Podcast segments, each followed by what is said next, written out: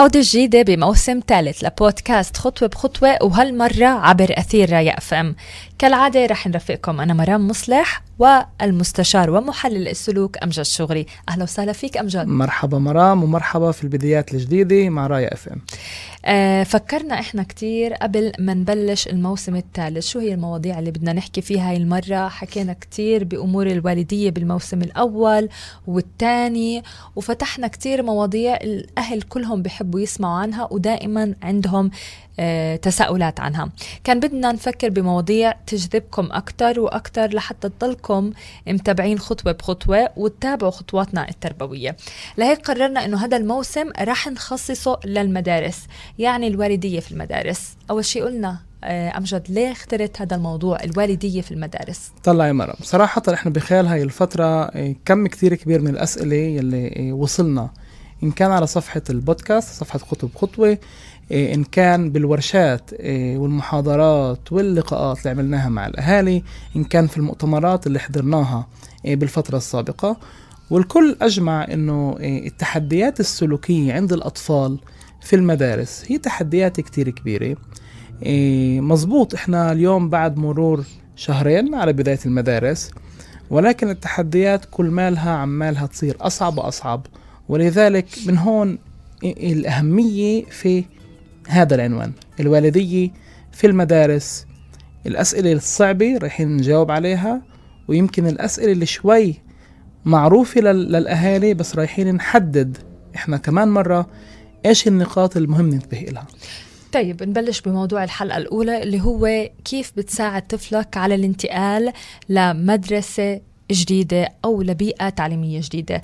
مثل معظم التحولات اللي بتصير بهاي الحياة آه، ممكن يكون فكرة الانتقال كمان يشكل شيء صعب آه، على الأطفال خاصة إذا كانوا عم ينتقلوا لمجتمع جديد لمدرسة جديدة لأصدقاء جدد. آه، وممكن يكون لقاء الأشخاص الجديدة وتغيير المدارس وتكوين صداقات جديدة أمر بشكل لهم إرهاق وبيأثر على نفسيتهم.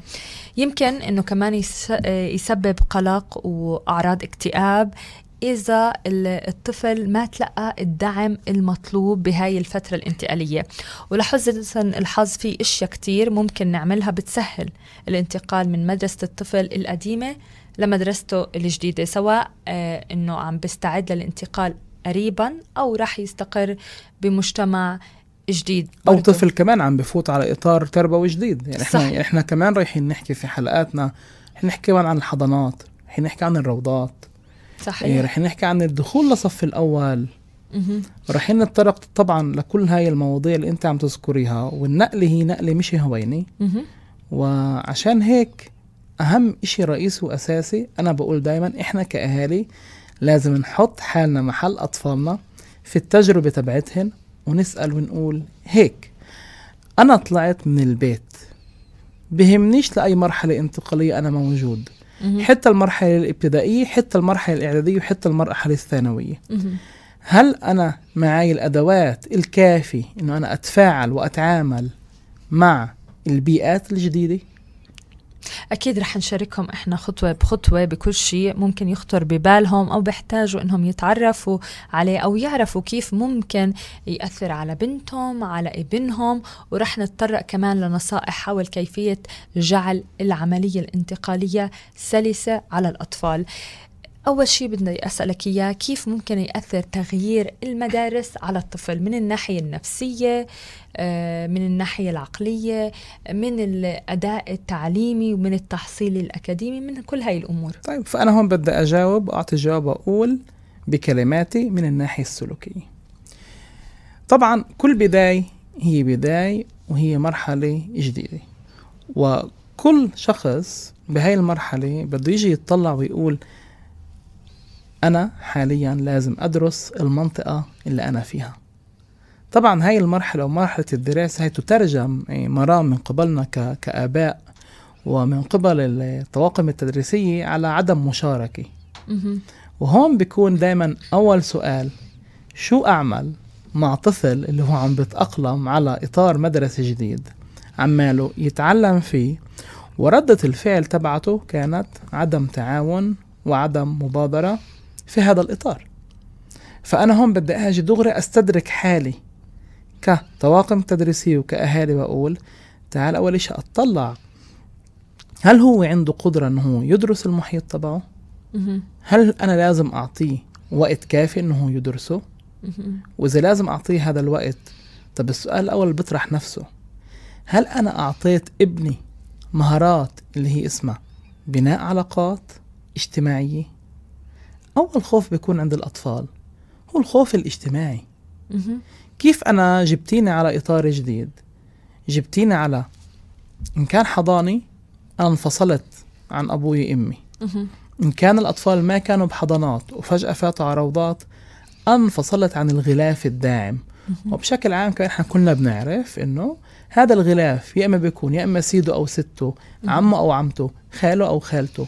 فاذا هو دائما كان غلاف عائلي يلي حضنه. طيب أمجد على سيره موضوع الحضانات. أنا كمان عانيت من مشكلة مع بنتي. بعد ما دخلنا ب بالعطلة الصيفية ورجعنا على الحضانة أنا توقعت إنه رح تتأقلم سريعا لأنها كانت بنفس الحضانة. أنا ما نقلتها بحضانة على حضانة ثانية ولكن هي كبرت صف. آه، هي عمرها أقل من سنتين قريبا بتصير سنتين. بس آه، كان في كتير مشاكل واجهتنا بالتأقلم مع المجتمع الجديد والطلاب الجدد والمعلمات الجدد. ما لقيت في أي رغبة بالتعاون من بنتي الصغيرة آه، مع آه، معلماتها. وواجهت هاي الصعوبة يعني قعدنا شهر بنعاني من هاي المشكلة. شو بيكون السبب وكيف ممكن نعالج؟ لأنه أكيد هذا استفسار موجود عند كتير أهالي عم بيعانوا منه كمان. تعالي هون مرام أنا أعطيك الجواب بطريقتين. الحلم تبعنا كوالدية هو إنه إحنا نقدر نطلع من البيت وما يكون في عنا أي صعوبات. يعني الحلم الوردي أنا بصحى الصبح بحضر الأولاد للإطار المدرسي بنطلع في الوقت ابننا بنزل من السيارة كل شيء تمام بفوت على على مدرسته بودعنا وإحنا بنمسك شنطته باي باي. وإحنا بنطلع على شغلنا. وإحنا بعدين نيجي نتفاجئ إنه هو بدوش يتركنا خايف بيمسك بإجرينا بيمسكوا فينا بيصيروا يشدوا في أواعينا. وهو عمليا عم بقول لك أنا بديش أفوت. وزي ما أنت حكيتي إذا أنت كمان انتبهتي قلتي لي مع إنه ما طيرت الحضانة بس بعدين هيك قلتي مع إنه هي ارتفعت صف. صح. كل انتقال من بيئة لبيئة هو بيئة جديدة.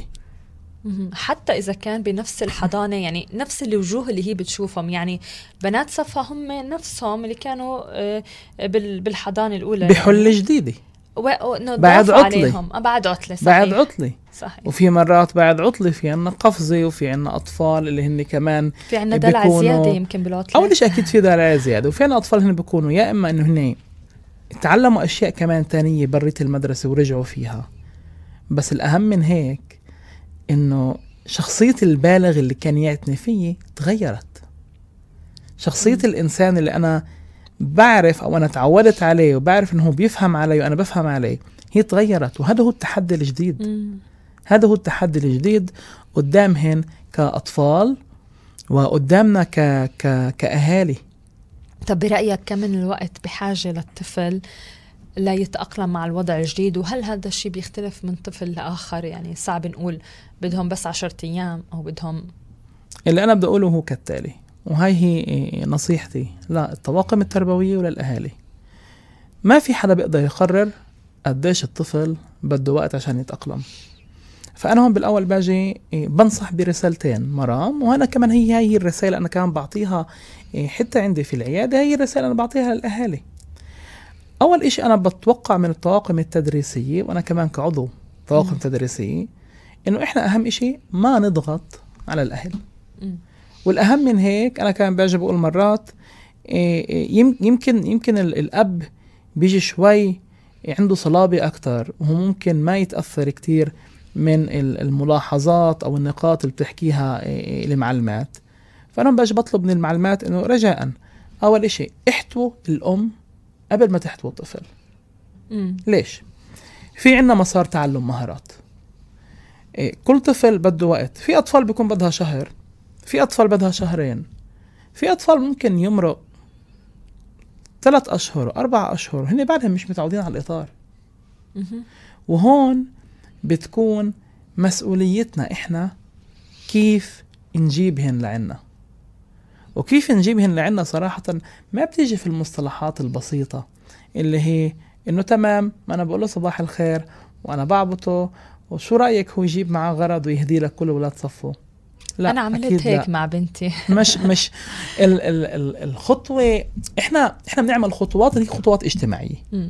تمام حلو. إنك أنت هيك عملتي معها هذا إشي حلو اجتماعيا. بخليها بجيب لها شيء توزعه على على الصف عندها أنا هيك آه، بخلق نوع آه، من أو بساعدها في التأقلم بس ما كان هذا الشيء الخيار المضبوط لأنه تعالي تعالي أحكي لك انه هون كان في عنا أول صدام ما بين إيه إيه إيه والديتنا ولأن إحنا بدنا أولادنا يكونوا مقبولين وما بين إنه التطور العاطفي والمهارات الاجتماعية تبع طفلتك هي بعد غير ملائمة لهيك نوع من الفعالية اللي أنت عملتيها.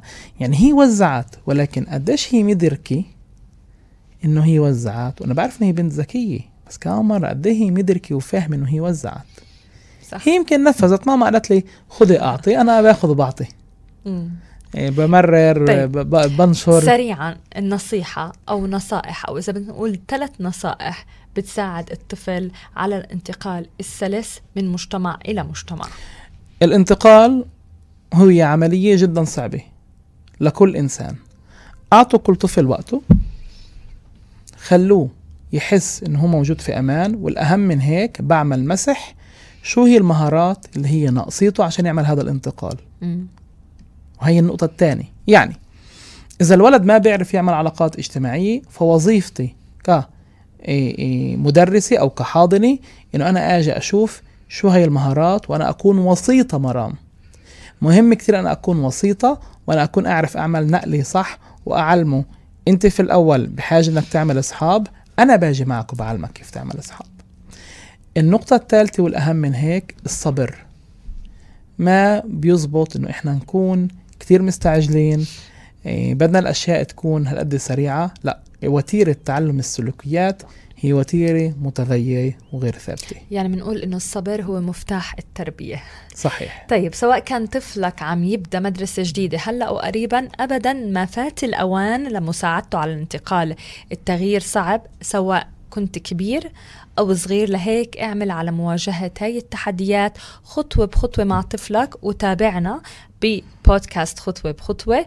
لازم تكون داعم وصبور ومتفهم وبالنهاية رح تتأقلموا أنتوا التنين على المجتمع الجديد وعلى المدرسة الجديدة. لهون وصلنا لختام الحلقة الأولى من الموسم الثالث من بودكاست خطوة بخطوة. باي باي. باي باي.